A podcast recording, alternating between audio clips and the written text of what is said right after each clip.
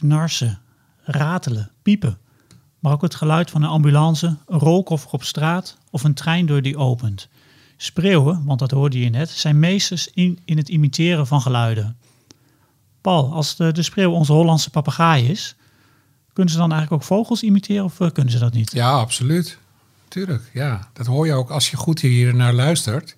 Dan hoor je in het begin de boerenzwaluw. Ik hoor uh, kou, hoor ik terugkomen. Ik hoor de meerkoet, dat gekoet van de meerkoet. Spotvogel hoor ik. Ja, het is echt bizar hoeveel uh, vogels die imiteert. Ja, want die boerenzwaluw, dat, dat, die ken ik inmiddels door de vorige podcast. Dat is natuurlijk dat, dat tik hè, wat je hoorde. Ja, klopt. Maar ze zijn, eh, en kunnen ze ook praten eigenlijk? Ik bedoel, als ze zo goed kunnen imiteren, kunnen ze dan ook mensen stemmen imiteren? Zou je haast wel zeggen, hè? Ik denk het wel. Je denkt het ja, wel? Ja. Nou, dan ja, ze zijn er echt ontzettend goed in. En het grappige is, ze kunnen kikkers nadoen, uh, zoogdieren, koeien soms. Want ze leven natuurlijk ook veel in, uh, in de polders. Maar wat ik gecheckt heb in de, in de literatuur... is dat de meest geïmiteerde soorten in Nederland... zijn de buizerd, kleine bonte specht, wielenwaal en de kip. Vind ik ook wel grappig. De kip? Kip, ja. Die doet hij heel vaak na. En wat ook uh, bijzonder is, is dat als uh, de spreeuw leeft ook in Noord-Amerika, Nieuw-Zeeland, daar zijn ze geïntroduceerd. En daar bootsen ze enkel de soorten na die daar dan voorkomen. Dus dan hebben ze het niet over de boerenzwaluw, zeg maar. Nee, nou, interessante, interessante vogel. Dan gaan we eens even naar buiten om, de, om te luisteren naar de spreeuw.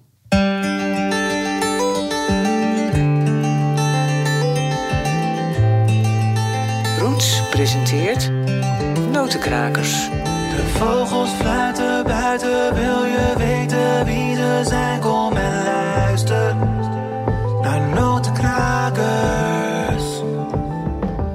Welkom bij de podcast Notenkrakers. Mijn naam is Daniel Mulder en in deze podcast van september 2021 alweer neem ik je mee in de wereld van de chilpende, piepende en kwakende vogels. En zoals altijd tijdens deze reis door de wereld van de vogels is gelukkig ook altijd de Roots-redacteur en collega Paul Beur aanwezig, die bijna alles van vogels weet. En hij zit nu ook weer driftig te turen in boeken, tijdschriften, printjes die hij heeft gemaakt, om uh, deze podcast tot een mooi einde te brengen. Paul, jij wilde graag in september het over de spreeuw hebben. Dat weet ik nog toen we een, een lijstje aan het maken waren met soorten die we wilden behandelen. Waarom Ja. de spreeuw in september? Ja, Daniel. Nou, dat is echt een, een heel erg typerend geluid voor deze maand. Ik ga elk najaar met lezers van Roots eh, naar Texel en Vlieland. Samen met Klaas de Jong doen we vogelweekenden. En eh, als het dan een beetje, uh, beetje mooi najaars, uh, nazomerdag is, zeg maar, een beetje zwoel. Dan hoor je echt overal die spreeuwen zingen. En dat is eigenlijk best wel bijzonder, want er zijn maar heel weinig vogels die, die zingen in het najaar. Je hebt, je hebt de tjiftjaf, die doet dat af en toe. Roodborst begint dan een beetje uh, weer te, te, zingen. Maar uh, geen van allen zo uitbundig als de spreeuw. En het grappige is dan ook dat het is een heel apart geluid. Het is, uh, ze zitten dan eigenlijk, het is net alsof ze, nou, het is, het is voorbij het broedseizoen. We gaan straks naar, het, naar het warme zuiden. En we gaan dus even heel relaxed zingen. En ja, dat is gewoon, ja, echt boven de top van, de dak, van, een, van een dak of de top van een boom. En, en, in de loop van de dag wordt het nog spectaculairer, want dan groeperen ze. Dan komen ze samen op die plekken. En dan gaan ze steeds meer kwetteren. Dan, wordt dan zwelt het aan. En dan, ja, crescendo, dan op een gegeven moment gaat alles de lucht in. En dan gaan ze uiteindelijk naar algemene slaapplaatsen waar ze dan met z'n allen slapen. Ja, dan zijn het er gewoon duizenden, tienduizenden. En dan weet je dus echt niet wat je hoort. Ja, maar daar gaan we het straks nog even daar gaan we het over straks hebben. over hebben. Ja. ja. maar ik heb trouwens nog een, uh, nog een bijzonder geluidje, deze. Want je leest hier en daar ook dat ze een fluittoon maken. Een gillende keukenmeid wordt, wordt wel eens gezegd. Ja. Komt eraan nu.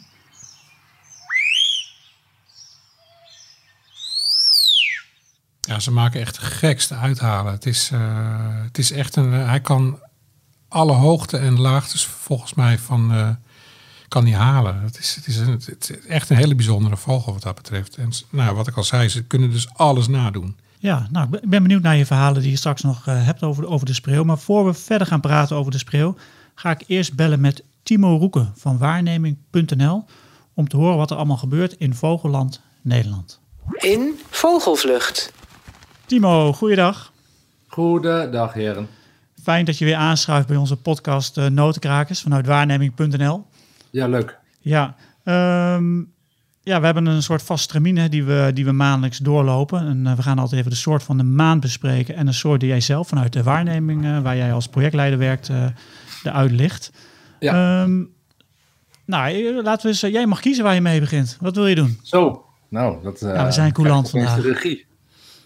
Dat is luxe. Um, ik wil graag beginnen met de grote geelpoortruiter. En um, het wat weer, uh, uh, de grote geelpoortruiter, laat ik beginnen met wat uitleg. De grote geelpoortruiter is een ontzettend gave steltloper. Nou, voor mensen die niet zoveel met steltlopers hebben, is het weer opnieuw een steltloper die mooie vlekjes heeft op zijn vleugels en, en noem maar op. Lange poten, uh, de standaard steltloper. Maar wat het leuke aan deze vondst ook is, is dat het um, ook weer bewijst zeg maar, waarom het platform waarnemen.nl zo nuttig is. Want hij was ingevoerd als een andere soort.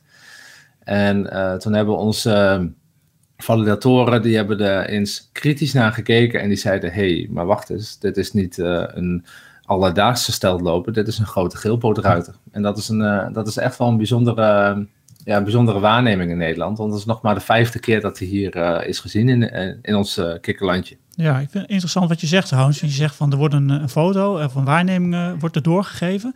Er Ja. zitten dus mensen achter de schermen bij jullie die dat dus ook werkelijk fact-checken. Of dat wel was, want die, wat was doorgegeven? Was dat dan zo bijzonder dat jullie dachten, hey, hier is iets aan de hand? Of?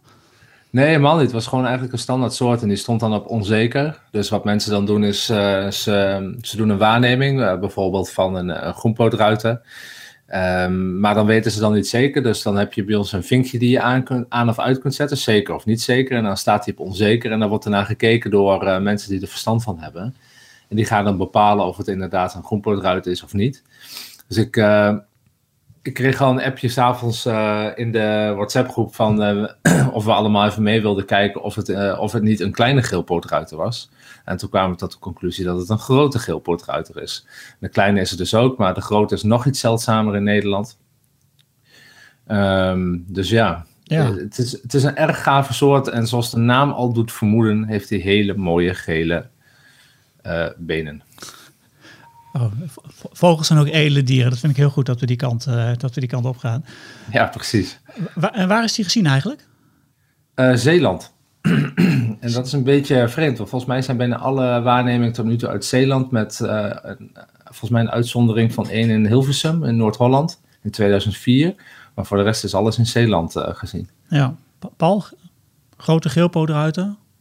Heb je daar iets, uh, iets over te zeggen? Ja, nee, daar, daar, dat, daar zoeken we natuurlijk het hele, hele najaar naar. Want uh, het grappige is dat een tureluur, een jonge tureluur, die heeft ook vaak geen knaloranje poten, maar die neigen ook nog wel eens naar, naar, naar geel. Dus dan, ja, het is altijd weer even schrikken als je zo'n vogel ziet lopen met, met best wel gele poten. En denk je, shit, ik heb er een, maar hij is toch een tureluur in de meeste gevallen. En zo'n grote geelpotruiter, die is gewoon nog een slag groter. Dus die is echt, die is echt, echt, echt flink groot. Die heeft ook een forsere snavel. En uh, ja, voor de kenner die neigt dan qua snavelvorm dan ook wel enigszins naar die, uh, naar die groenpootruiter. Maar uh, ja, ze hebben toch een heel ander vlekkenpatroon. En ja, daar, daar zoekt eigenlijk elke vogelaar wel naar. Ja, maar je bent... Oh, sorry Timo. Ja, nee, geen probleem. Wat leuk is om te weten is dat de soort uh, uh, komt uit, echt uit Noord-Amerika. Dus die is dan echt de hele oceaan, Atlantische Oceaan, uh, Atlantische Oceaan overgeknald, zeg maar, om hier te komen. dus dat vind ik altijd wel, ja, dat maakt het nog wel extra bijzonder, vind ik altijd. Ja. En we hebben het hier over één exemplaar. Exact. En die scharrelt wat rond en dan kan over een uur vertrokken zijn of over een paar dagen, dat weet niemand. Nee, zeg maar Daniel, als jij het weet, dan huur ik je in bij deze. Dan mag ik bij waarnemen komen werken. Zeker. Ik denk niet dat ik helemaal geschikt ben, maar... Uh... het is trouwens altijd wel uh, ook de schrik van iedere invoerder bij waarneming.nl. Dat je, dan zet je dingen op zeker terwijl je zelf denkt dat je nog niet helemaal zeker bent. En dan vaak krijg je toch wel een... Uh, opeens krijg je in je mail een ding van de validator. Heeft een opmerking geplaatst. ga je met trillende benen naar je waarneming om te zien wat er nu weer uh, aan de hand is. Maar heb je het wel eens gehad, Paul, of niet? Ja, ik heb het best wel vaak. En ik heb het ook wel eens mis hoor. Ook al uh, ja, zeggen mensen ook wel aardig vogels gaan kijken. Ik, uh, ik maak uiteraard ook gewoon fouten, want het is gewoon heel moeilijk. Mm -hmm. Maar soms valt het ook weer heel erg mee. Ja. Dus eh, ja, het kan alle kanten op, maar het is wel ontzettend goed dat ze dat doen. En eh, nou, net wat Timo al zei, soms komt er gewoon een soort uit die eh, gewoon eigenlijk bloedzeldzaam is. En waar iedereen gewoon lekker naartoe kan. Ja. Ja, dat is ook de waarde van het, dat is ook de waarde van het eh, platform. Is dat je op deze manier de kwaliteit van de data gewoon ontzettend hoog houdt. Ehm, kijk, en het is natuurlijk niet alleen vogels eh, eh, die je kan invoeren. Het zijn alle soorten groepen. En er zijn ook genoeg vogelaars bijvoorbeeld die af en toe eens een vlinder of een plant of een paddenstoel invo- invoeren. En het is heel makkelijk. Je kunt, ja, je kunt niet overal verstand van hebben. Eh, dus ehm, da- daarom is het handig dat mensen, andere mensen zijn die er dan wel, eh, die wel verstand hebben van die specifieke soortgroep en die dan kunnen helpen. En zo leer je zelf ook weer heel veel. Ja, nou, mooi. Ik wist niet dat, eh, dat achter de schermen ook nog zo druk werd meege- meegekeken. Ehm, soort van de maand. Wat is dat deze keer? Ja, dat is toch wel de zwarte ooievaar, denk ik, hè, Paul? Zeker weten. Ja, jij had Ja. hem heel mooi. Ja, nog bij jou in de buurt zelfs. Ja. Waarom zijn jullie het zo eens over de zwarte ooievaar? Ja, prachtige vogel. Ja, het was gewoon grappig. Ik, ik heb daar zelf een hele leuke anekdote over. Toen wij net eh, met Roots eh, waren gekocht door een andere uitgever. Dat was Rob Gay en die komt eh, bij Ajax vandaan. En die heeft, nou ja, die heeft niet echt heel veel verstand van, meer van voetballen, laat ik het Ik zo ben zeggen. benieuwd waar dit heen gaat trouwens. Ja, nou, ja, toen stonden we bij de koffie en eh, toen had hij dus voor het eerst van zijn leven een ooievaar gezien. En ik weet toevallig dat hij eh, in Badhoevedorp woont. En, eh, dus ik was dat weekend toevallig op zoek geweest, bij, vlakbij zijn huis, naar een zwarte ooievaar. Want het is in onze contraille toch best wel bijzonder als hij aan de grond eh, rondloopt. Dus, eh, maar goed, het was een heel ingewikkeld gebied, allerlei sloten langs gefietst. Dus ik vertelde zo de- dat ik had gezocht vlakbij zijn huis naar een zwarte ooievaar. Nou, dat geloofde hij dus niet. Hij zegt dat, dat nog nooit- een, een ooievaar is wit. Mhm. Dus ik zei nee, er is ook een zwarte ooievaar. Dus ik moest helemaal naar de kast lopen om een vogelboek te halen om te bewijzen dat je die ook daadwerkelijk had. En eh, sindsdien is hij, was hij helemaal om en volgt hij alles met vogels, onze kalender. eh, echt heel grappig. Allemaal dankzij de zwarte ooievaar. ging een wereld voor hem open. Ja. Ja. Maar is, eh, september is dus de maand om ze, om ze waar te nemen? Timo? Nou, september is inderdaad wel een, een- goede maand. Augustus is trouwens ook al een hele goede maand voor de zwarte ooievaar. En als je vogelaars hoort praten over deze soort, dan vogelaars gebruiken ook regelmatig eh, afkortingen. Dus als, ze dan, als mensen soms praten in het veld en je hoort iemand het woord zwooi zeggen, dan noemen, ze- dat bedoelen ze zwarte ooievaar. Dat is heel verwarrend, maar sommige vogel, vogelnamen worden zo vaak uitgesproken dat, ze, dat men er afkortingen voor bedenkt. Dus zwooi betekent zwarte ooievaar. Oké. En eh, he- heb je er zo nog eentje paraat of niet? Ja, Blaco is bladkoning. Brubo, bruine boshaar. En de spreeuw? Ja, laten, we, laat, laten we daar niet heen gaan, Daniel. Want dit is echt een uh, gebed zonder eind. Ja, ik, ik vind het wel leuk. Maar, maar eh, nog een laatste dan. Heeft de spreeuw er ook in? Of die is zo lekker kort, dat hoeft niet. Dat wordt niet spro- Nee. Nou, het zijn ook vaak een beetje de zeldzamere soorten waar, uh, waar Ja. dit bij gedaan wordt. Oh, Oké, maar nog even over eh, Zwarte Ooievaar. September. Waarom is dit... eh, ik bedoel, komen ze overvliegen? Zitten ze ergens waar we heen moeten? Hoe, eh, hoe zit het Nou, het, is het, is een, het is een zeldzame soort in Nederland die hier niet broedt. En wat interessant is, of wat ik heel erg gaaf vind aan die zwarte ooievaar. Kijk, onze ooievaar die is inmiddels eh, goed terug in het land. Eh, dat, eh, dat hele herstelprogramma is goed verlopen. En ze zijn eigenlijk ook niet zo heel erg schuw. Dus je ziet ze op lantaarnpalen. groepjes zie je lopen in, in, in akkers achter tractoren aan bijvoorbeeld. Maar de zwarte ooievaar is een beetje het tegenovergestelde. Het is een hele, ja, ik vind het een hele illustere soort. Ehm, als je, ja, ze leven best wel verborgen en ze zijn ook goed schuw. Dus bij Pol in de, in de regio moet je het vooral een keer eh mazzel hebben dat ze in zo'n in zo'n duinmeertje of zo een keer eh, aan het fourageren zijn.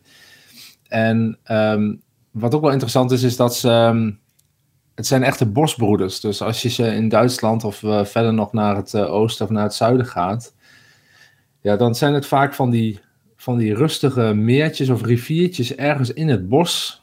Eh, en daar zie je dan opeens een, een, zwarte ooievaar lopen. En ja, het is, ik vind het echt een, een magische, veel, veel mooiere soort dan eigenlijk onze eigen ooievaar. Ja, en wat je, wat je net zegt, hè, dat ze dus die rustige plekken opzoeken. Is dat ook een van de redenen waarom ze in Nederland dan niet, eh, niet broeden? Want dat doen ze niet, toch?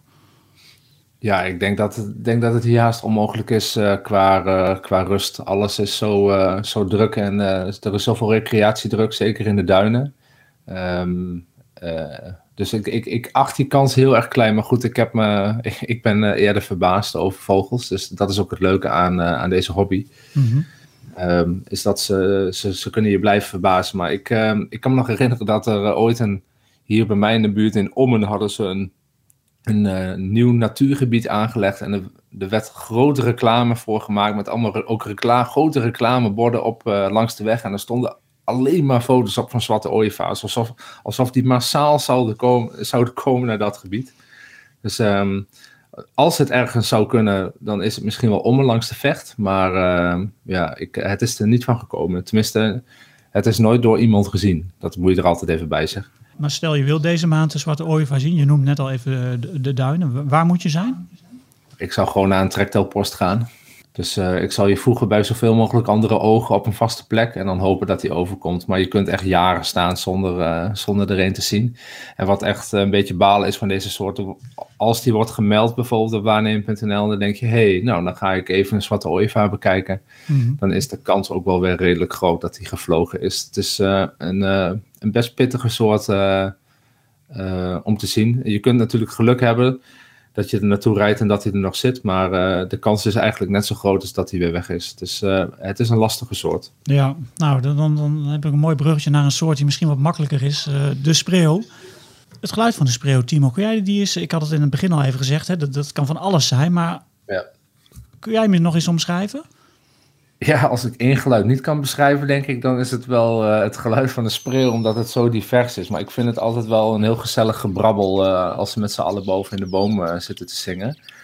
Ehm, ik vind het wel een heel erg lastig geluid om te beschrijven, omdat het, ja, dat, dat, die zang is dus een gebrabbel, maar de rest is zo variabel als de pest. Ja. Nou, Pa- Paul die, was, die wilde graag de spreeuw in september. En helemaal, helemaal prima. Wat vind, jij, wat vind jij eigenlijk van de spreeuw? Heb je daar een mening over? Vind je het een mooie vogel, bijzonder, leuk, vervelend?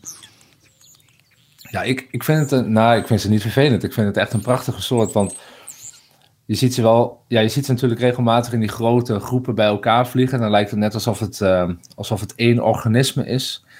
Eh, daar hebben ze ook wel een mooie bijnaam voor. Ehm, volgens mij de adem van God.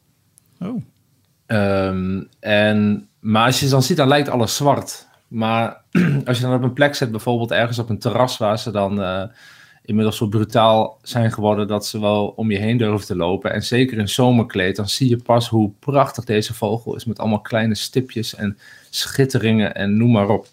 Dus de, de vogel is van, dit, van dichtbij echt een stuk mooier dan eh, als je ze van afstand ziet vliegen. ja, de verrekijker erbij dus.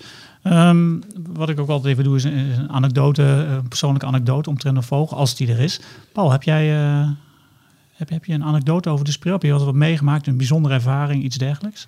Nou, later zullen we het nog hebben over de roze spreeuw. Daar heb ik eh, heel veel eh, Die, er- parkeer, ervaringen mee met, met zoeken vooral. En hem niet vinden. ja, die parkeren we even. Eh, maar wat ik, wat ik het, het- het- de spreeuw gaat eigenlijk best wel volgens mij wel redelijk, gaat eigenlijk niet zo heel erg goed mee, ondanks de grote aantallen die we hier in het najaar zien. Maar toevallig zit er bij mij eentje in het huizenblok die, die broedt dan onder de dakpannen. En het grappige is dat elk jaar zo rond de derde week van mei, dan vliegen de jongen vliegen uit. En op dat moment komen de gierzwaluwen eigenlijk eh, binnen, of die zijn er dan al, maar die gaan dan nestelen. En die gaat altijd precies op die plek hetzelfde nestje maken als die eh spreeuw. En dat vind ik best wel grappig. Exact hetzelfde hoekje van dat, onder die dakpannen. Mhm. Dus ze wisselen elkaar eigenlijk af. Dus dat, eh nou, gierzwaluw is voor mij ook een hele mooie soort. Ja. Maar Echt een zomersoort, zeg maar. En eh daar word ik altijd wel heel erg blij van dat hij er, eh, dat hij er dan weer is. Oké, een, eh, een klein huiselijk eh, anekdote dit. Timo, heb jij nog een mo- mooi verhaal voor de spreeuw? Ja, dan ga ik toch meer voor het groter, eh, grote plaatje. Dat je, de, dat je die grote verzamelplekken hebt van, eh, van spreeuwen. En dat je dan echt die eh, adem van God inderdaad ziet. Dat, eh, ja, ik vind dat zo bizar dat, dat, dat meerdere organismen, zeg maar, dat meerdere levens, eh, eh, meerdere soorten, nou niet meerdere soorten, meerdere spreeuwen zo bij elkaar kunnen vliegen. En dat het dan lijkt alsof het eigenlijk één geheel is. Ja, ja als je dan bij die grote rietvelden komt waar ze dan s'nachts slapen, dan kunnen ze rustig in slapen, want dan weten ze haar zeker dat er van onder eh, geen vos of zo ehm, eh, kan komen. Misschien enkel een keer een, een ringslang of als dat mogelijk is. Ja, ik vind dat echt tof. En dan komt er ook nog eens een roofvogel aan bijvoorbeeld. Die probeert dan eens zo'n spreeuw uh, eruit te halen. Want dat is natuurlijk de reden dat ze allemaal bij elkaar uh, zitten. Dat hebben ze, in Engeland hebben ze daar een mooie term voor. Dat is safety in numbers. Dus op het moment dat je maar uh, met genoeg anderen bent... dan wordt statistisch de kans dat jij wordt gepakt als individu natuurlijk steeds kleiner. En dan zie je zo'n hele grote groep omhoog vliegen. Als er bijvoorbeeld een sperwer um, een, een spreeuw pakken. En dan zie je ook dat zo'n roofvogel gewoon enorm verward is van... ja, waar kijk ik nou naar en waar moet ik in hemelsnaam beginnen? Dus dat, ja, ik vind dat echt geweldig om te zien. Ja, het zijn vaak echt de boomvalken die, die, die het wel lukken, maar ik zie de meeste sperwers toch echt wel verward wegvliegen. Spektakel, dus. maar waar kun je dit, eh, die verzamelplaatsen? Volgens mij is Bargeveen een bekende plek, maar weet, weet jij nog een paar plekken waar mensen dat kunnen gaan zien? Ik weet dat lokaal, uh, weet ik dat wel, maar misschien dat Paul dat wat beter in beeld heeft. Nou, bij ons heb je bijvoorbeeld bij uh, Petten, bij Bakkersdam. Daar komen ze uh, elke avond samen. En dan, dan, als je ergens in de polder gaat staan, zie je allemaal groepjes vliegen. En uiteindelijk verzamelen ze zich maar daar massaal voor. En dan gaan ze die vluchten maken. Maar je had bijvoorbeeld vroeger in Amsterdam, midden in Artis, zaten ze ook. Ik weet niet of dat nog zo is, want ik werk daar niet meer. Maar dat, dat was ook een plek waar, bij het Centraal Station, waar je er gewoon gewoon tienduizenden spreeuwen had. En in Friesland had je plekken waar uh, elke avond het samenkwam. Bij het Lauwersmeer volgens mij. zijn vaak toch ook uh, zeg maar rietgebieden zoals de Oostvaardersplassen... waar ze dan massaal uh, in het riet gaan slapen. Ja, na de meer is ook altijd goed. Ja, ja. Maar, maar voor mijn duidelijkheid, want ze verzamelen zich dus in de lucht uiteindelijk. En daarom krijgen we dus die grote spreeuwenwolken. Nou, wat ze doen is dat uh, ze, ze, ze, zijn sowieso in het najaar in groepjes bij elkaar, hè, familiegroepjes. En dan in de loop van de dag sluiten ze bij elkaar aan. En dan zie je vaak groepjes van, van uh, ja, 10 tot 30 in het gras, zeg maar, weilanden voedsel zoeken. En dan aan het eind van de middag dan gaan ze, gaan ze allemaal die kant op vliegen waar ze slapen, waar ze allemaal slapen. En naarmate ze die kant op vliegen, worden die groepen eigenlijk steeds groter. En, en op het moment dat ze dan aankomen daar waar ze gaan slapen, dat hangt vaak, heb je ook nog voorverzamelplekken waar ze dan in bepaalde, eh, ik noem maar wat, populiere bossen, dat daar, ik noem maar wat, anderhalf duizend bij elkaar gaan zitten. En dan uiteindelijk gaan ze dan met z'n allen naar dat rietveld. En daar zie je dan die uh, vluchten waar ze dan met tienduizenden bij elkaar komen in sommige gevallen. Mm. En als ze dan, dan, dan, dan, als ze dan kijk, die roofvogels die weten dat ook. Dus die gaan juist daar proberen hun slag te slaan. En dan komt zo'n sparrow of een slechtvalk komt met een noodvaart aanvliegen. En dan, dan slaan ze dus zeg maar als groep om. En dan zie je die mooie verschillende wolken zo helemaal ontstaan. En uh, ja, dat is een schouwspel. Dat, dat, moet je een keer gezien hebben. Ja, fascinerend om te zien inderdaad. um, Timo, wat mij ook altijd opvalt, ik, ik woon zelf in, in Zwolle, oude woonwijk. Daar zit ook een spreeuwpopulatie die daar een, mooie wolk iedere avond maakt. Maar het is van het een op het andere moment zijn ze weg. Heb jij enig idee wat, is, is er een vogel die zegt en nu gaan we, gaan we slapen? Of heb jij daar enig idee over hoe dat zit? Ja, goede vraag. Ja, dan kom je aan op groep, groepsdynamica zeg maar, van, uh, van dieren. Dan moeten we toch echt een keer een bioloog hier in de uitzending uh, gaan uitnodigen. Dat is, nou ja, dat is echt complex. Ik, ik, ik, weet ook niet of de biologen dat weten. Of, um, ja, het, er zal ongetwijfeld een soort mechanisme in zo'n groep zijn die bepaalt van of... Want volgens mij is er niet echt sprake van, uh, van pikorde of een leider. Mm -hmm. Het zijn geen kippen of meeuwen bijvoorbeeld. Dus er zal ongetwijfeld een groep bepalen van dit is het. En je ziet het je ziet het niet alleen bij spreeuwen, maar je ziet het bijvoorbeeld ook bij kauwen en houtduiven. En het is gewoon evolutionair gewoon een heel slim trucje om, uh, om dat safety in numbers uh, op te zoeken. Heel veel zoogdieren natuurlijk in Afrika. Die grote kuddes, ja, die zijn niet bij elkaar omdat ze het nou zo gezellig vinden bij elkaar. Het, heeft gewoon, uh, een, een, het is een overlevingsmechanisme. Mooie verhalen weer, heren. Bedankt, Timo, bedankt voor je mooie soorten die je hebt gedeeld. En we spreken je ja, volgende maand weer. Oké, okay, tot dan. Je luisterde naar Timo Roeken van waarneming.nl, waar je al je waarnemingen kunt doorgeven op het gebied van vogels, insecten, uh, noem het allemaal maar op. Hij vertelde onder meer over de zwarte ooievaar die je uh, nu met heel veel geluk kunt, kunt zien in Nederland. Um, we hadden het ook over de grote geelpootruiter, die, die is waargenomen in Zeeland. En de heren hebben een mooie anekdotes gedeeld over, over de spreeuw. We gaan nu verder naar, naar Henk Meeuwsen. Want de mooie vogelgeluiden die je hoort in Notenkrakers, die komen van de app Bird Sounds Europe. Henk Meeuwse, die ook voor ons vogelmagazine uh, schrijft over vogelgeluiden, die heeft veel van die geluiden voor deze app opgenomen. En achter die geluidsopnames schuilen mooie verhalen. En daarom heb ik met Henk afgesproken in de Kroonde Mijnen op de Veluwe bij het Gelderse Nierse om te luisteren naar zijn verhaal achter het geluid van de spreeuw.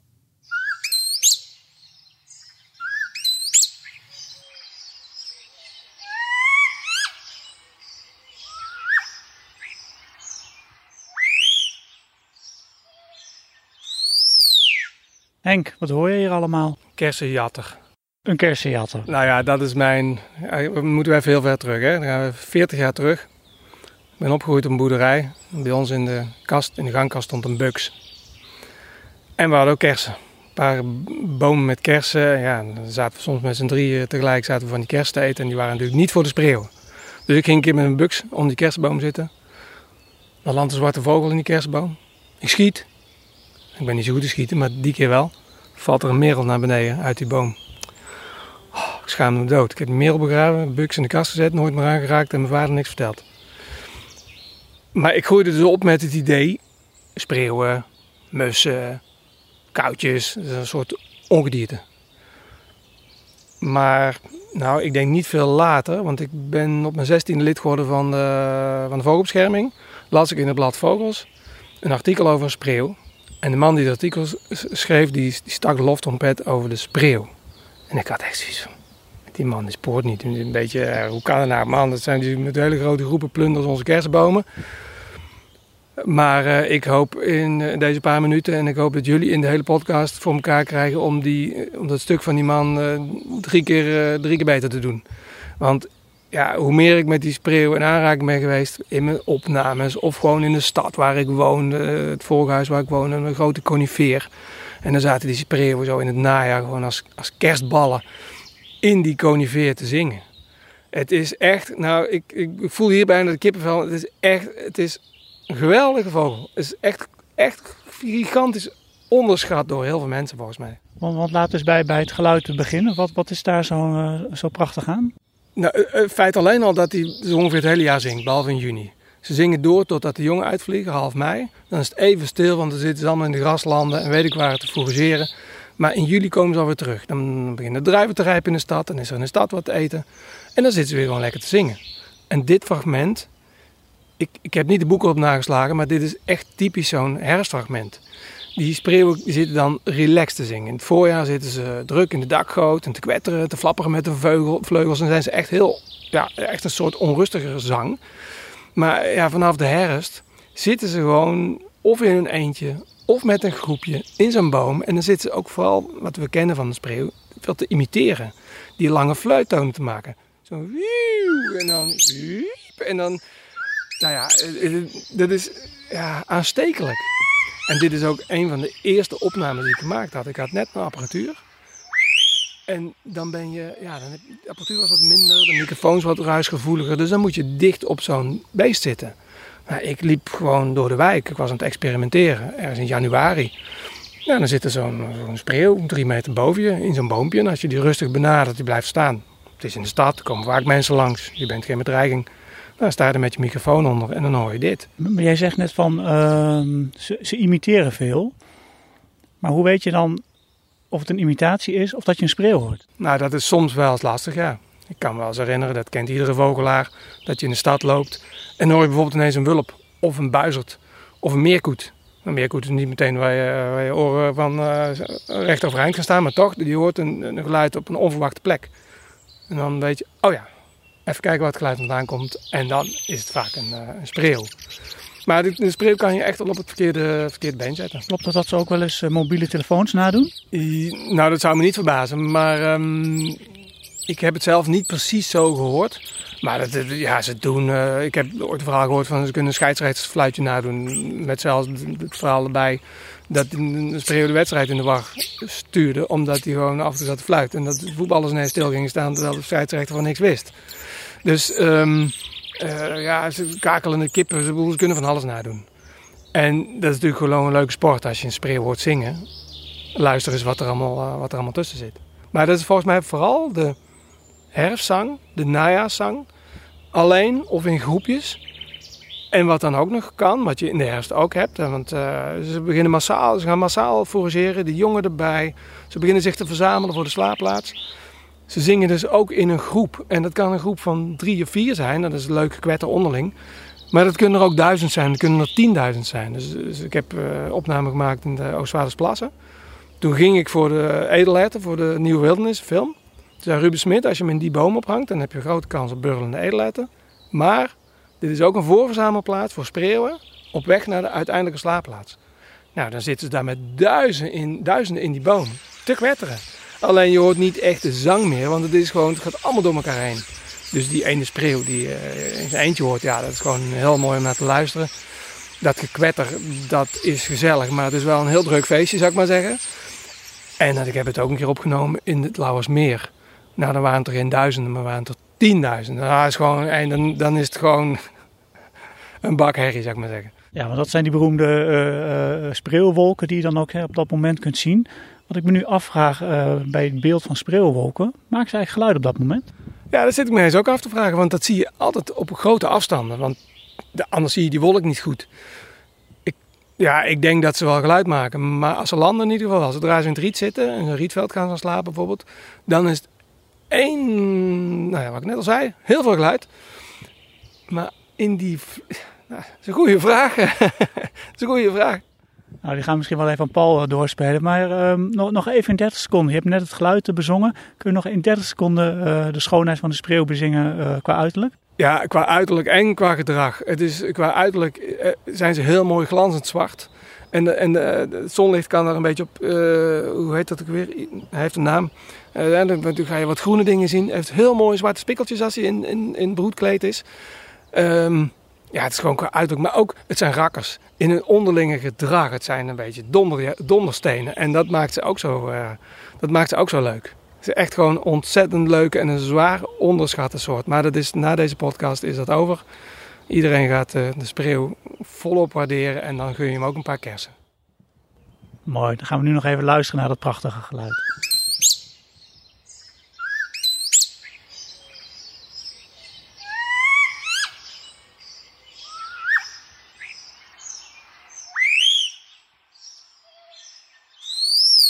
Ja, je luisterde naar de anekdote van Henk Meeuwse over, eh, over de spreeuw en, en de kersendief.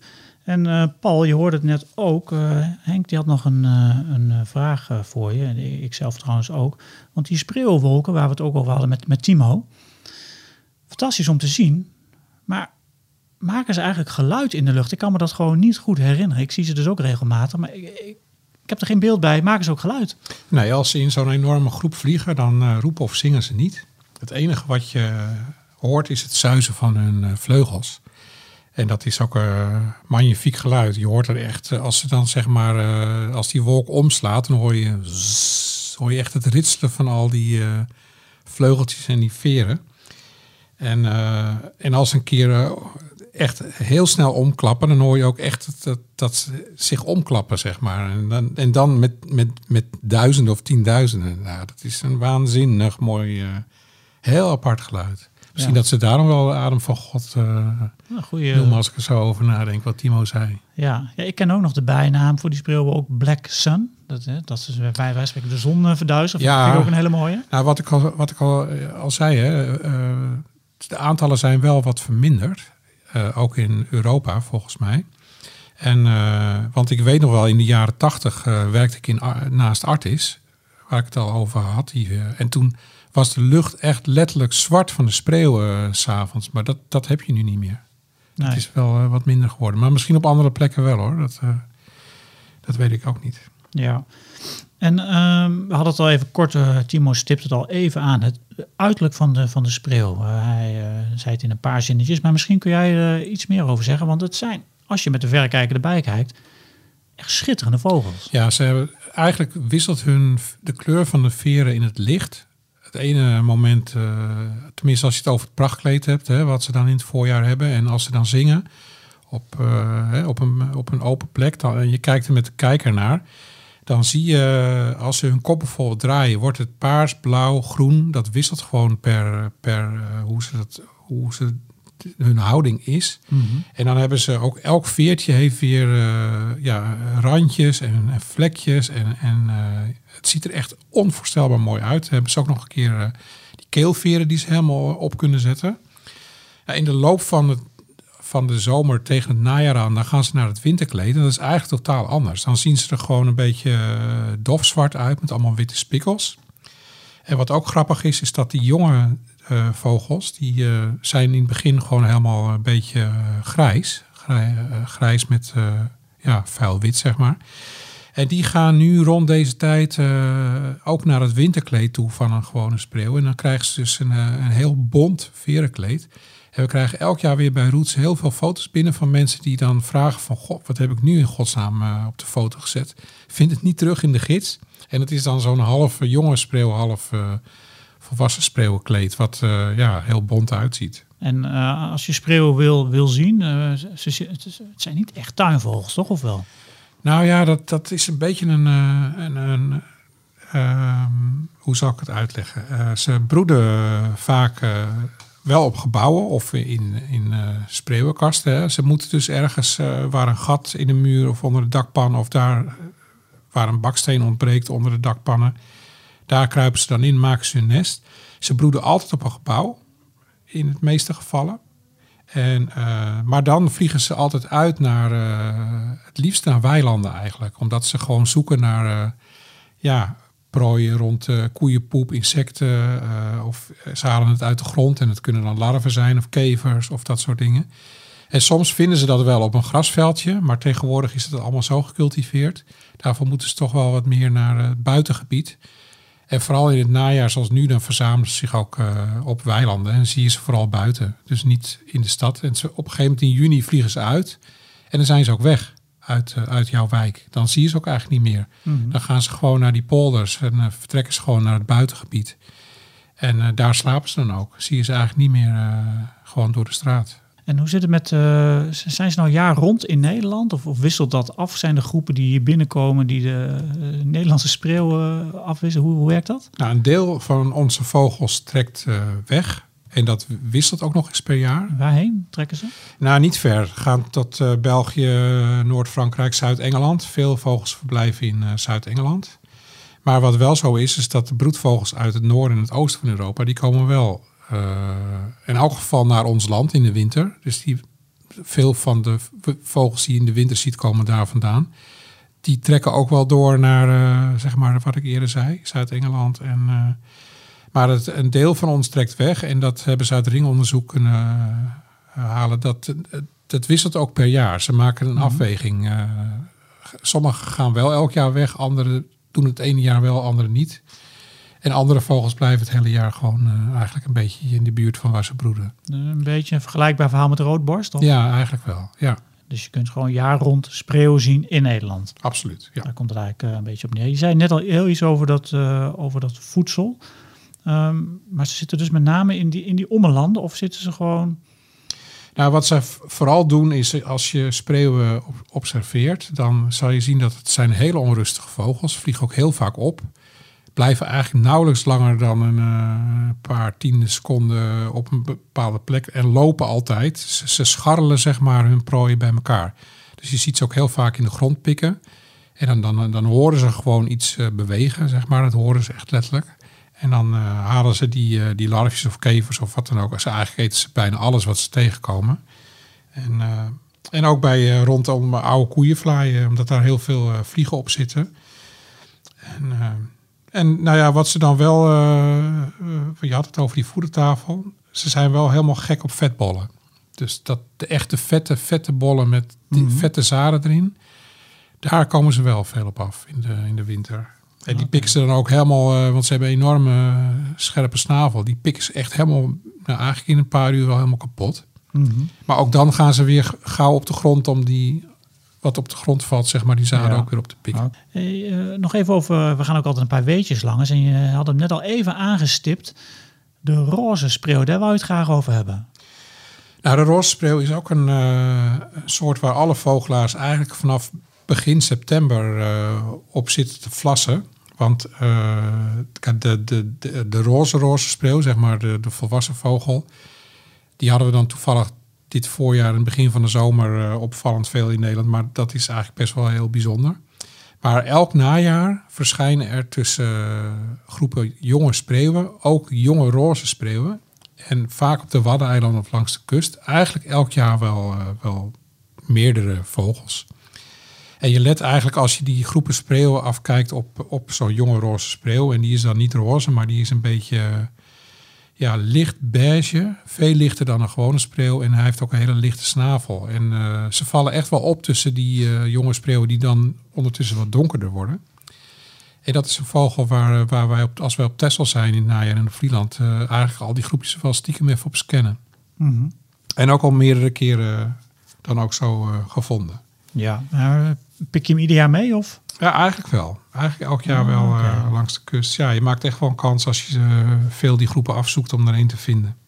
Ja, En het blijft toch leuk. Het is toch een zeldzame vogel. ja, roze spreeuw. Dus heb je verder nog leuke spreeuwweetjes? Nou, wat grappig is, is dat eh, Jacques Petijzen, de grote natuurvorser van het eerste uur, die eh, was zijn favoriete vogel, spreeuw. Niet zo gek natuurlijk, want het is gewoon een waanzinnig leuk beest. Maar eh, Mhm. hij schrijft heel vaak over de spreeuw. Ja. En ik heb nog een heel leuk muzikaal eh, weetje over Mozart. Eigenzinnige componist. Die, eh, wat heel veel mensen die naar zijn muziek luisteren verbazen nog steeds, is dat is één stuk wat hij ooit gemaakt heeft. Ein musikaler Spaß. Wordt ook wel omschreven als KV522 voor de echte kenners. Dat eh, valt eigenlijk een beetje uit zijn eh, repertoire. Mensen verbazen zich daarover. Het is anders dan het andere werk. Het is stunteliger, soms zelfs vals. Wat blijkt? Mozart heeft drie jaar lang een spreeuw eh, als huisgenoot gehad. Had hij gekocht Oh ja? ooit voor vier gulden. Mozart en een spreeuw. Ja, die heeft drie jaar lang een eh, spreeuw eh, in zijn huis gehad in een kooi. En daar was hij helemaal gek van. En men denkt te weten dat hij eigenlijk zich heeft laten ja, beïnvloeden door de zang van de spreeuw. En dat heeft verwerkt in dit stuk. Wat hij overigens eh, heeft geschreven voor zijn eh, overleden vader. Maar eh, ja, de kenners zeggen dat dat de reden is waarom dit zo bijzonder D- dus het stuk verwijst, is. verwijst Hij naar heeft, gewoon, hij heeft gewoon wat die spreeuw deed, ja, geïnspireerd, heeft hij verwerkt in een stuk. En daardoor is het anders dan anders. Want ja, een spreeuw is anders dan anders. Dus, Oh, wacht, dat dat ga ik heel even googlen hoor. Eén momentje. Nou, we hebben even, even een stukje eh, gegoogeld en eh, we gaan even een klein stukje Mozart luisteren. Kijken of we de spreeuw herkennen.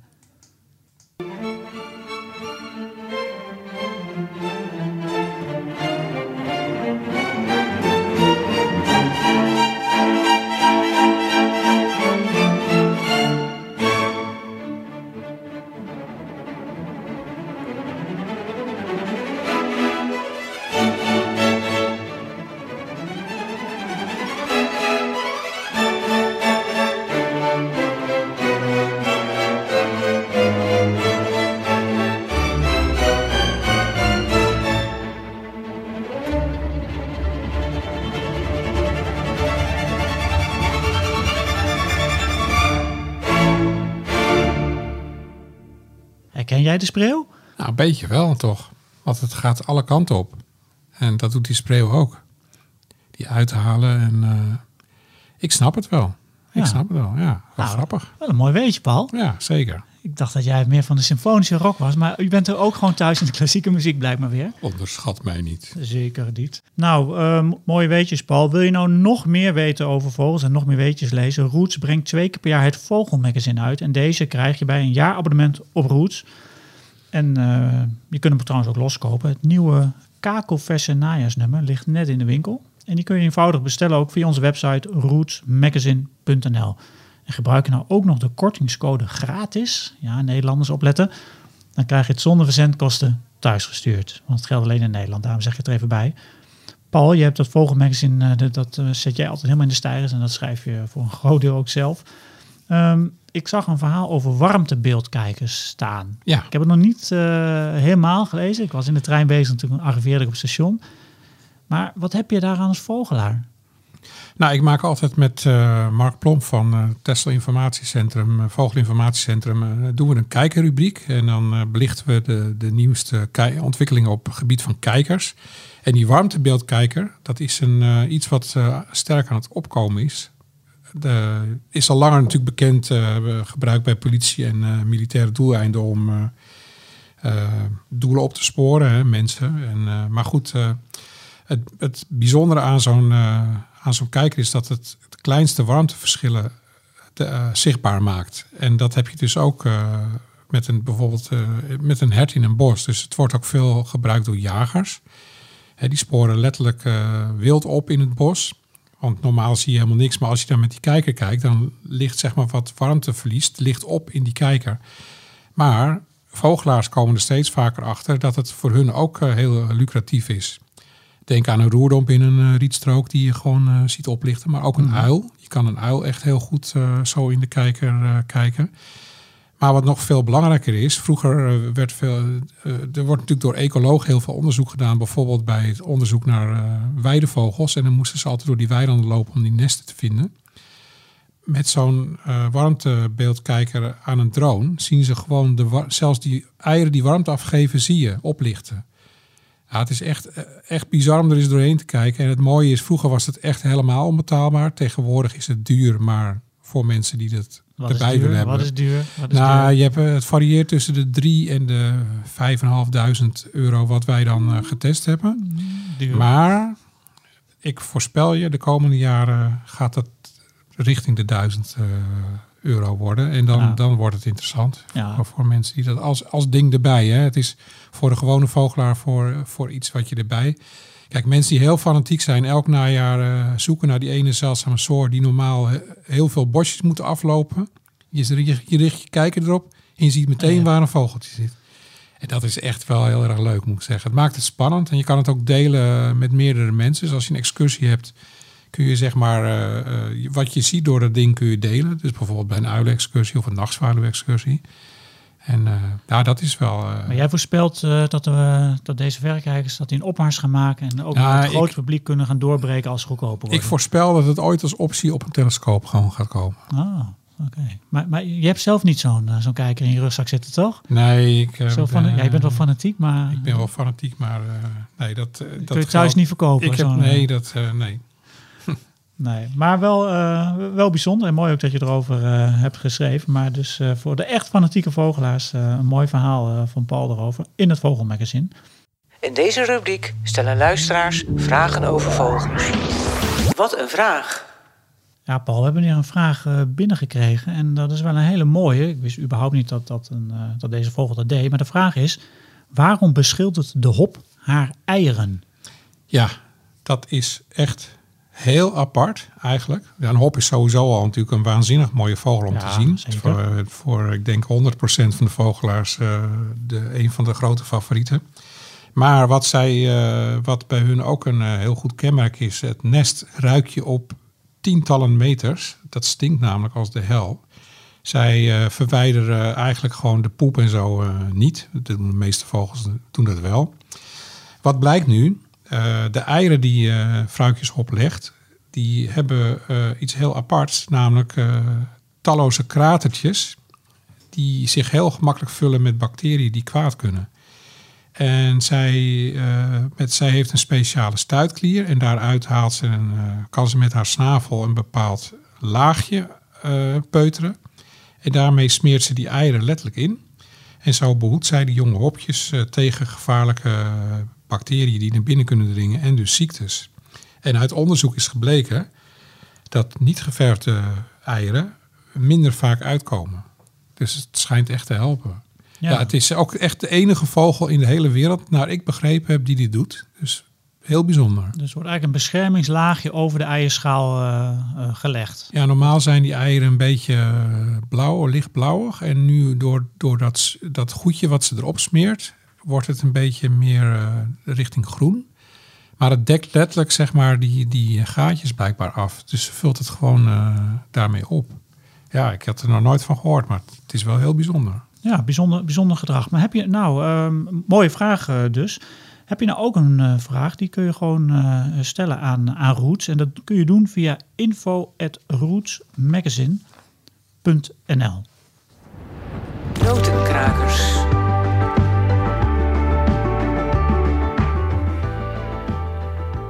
De geluiden die je in deze podcast hoorde, die kwamen van Henk Meeuwsen. Die heeft een prachtige app gemaakt. Bird Sounds Europe heet het. Die kun je eh, downloaden. Dat kost wel wat, maar dan heb je ook wat. App Bird Sounds Europe heet het. Ehm, het Vogelmagazine had ik het ook al even over. Kun je daar niet genoeg van krijgen van vogels? Ga dan dit magazine lezen. Er staat boordevol mooie verhalen. En het nieuwe najaarsnummer, die ligt nu dus eh, in de winkel. En dan kun je ook online bestellen via rootsmagazine.nl. Zit ook bij een jaarabonnement op Roots. Dus als je een abonnement op Roots neemt, krijg je ook gewoon het, uh, het Vogelmagazine erbij. Dus dat is, ook, dat is natuurlijk ook heel erg fijn. En we gaan natuurlijk een, uh, een nieuwe podcast maken voor uh, oktober. Paul, waar gaan we het dan over hebben eigenlijk? Over het geluid van de Cape, familielid van de Vink, die dan juist in die periode veel over het land trekt en die kan je op geluid herkennen. Het geluid van de Cape. Ga ik eens even kijken of ik die uh, paraat heb. Ja, die heb ik paraat, dat wist ik natuurlijk al. Dat is heel kort. Ik doe hem nog een keer en daarna nog een keer.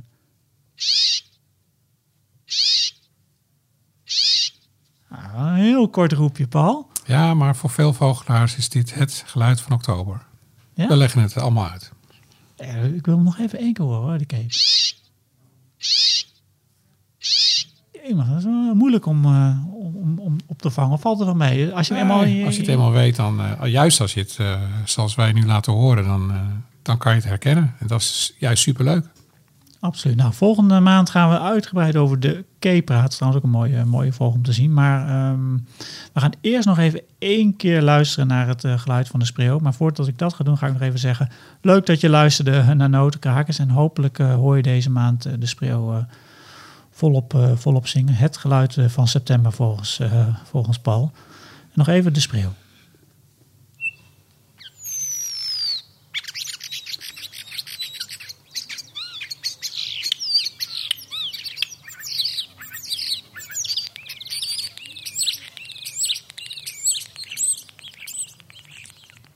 Nou, voor je nu op stop gaat drukken met deze podcast, Paul wil nog even iets zeggen over, uh, over Mozart uh, en de spreeuw. Want hij heeft, dat, uh, hij heeft een heel mooi boek in handen waarin de, dit verhaal onder meer staat. Dus Paul, hoe Ja, dat wil ik nog even zeggen. Dat er is recent een heel leuk boek verschenen van Fernand Rochet. Dat heet De Vogel en de Componist. En het gaat helemaal over vogelzang als inspiratiebron. En dus ook het verhaal van Mozart en zijn spreeuw lees je hierin.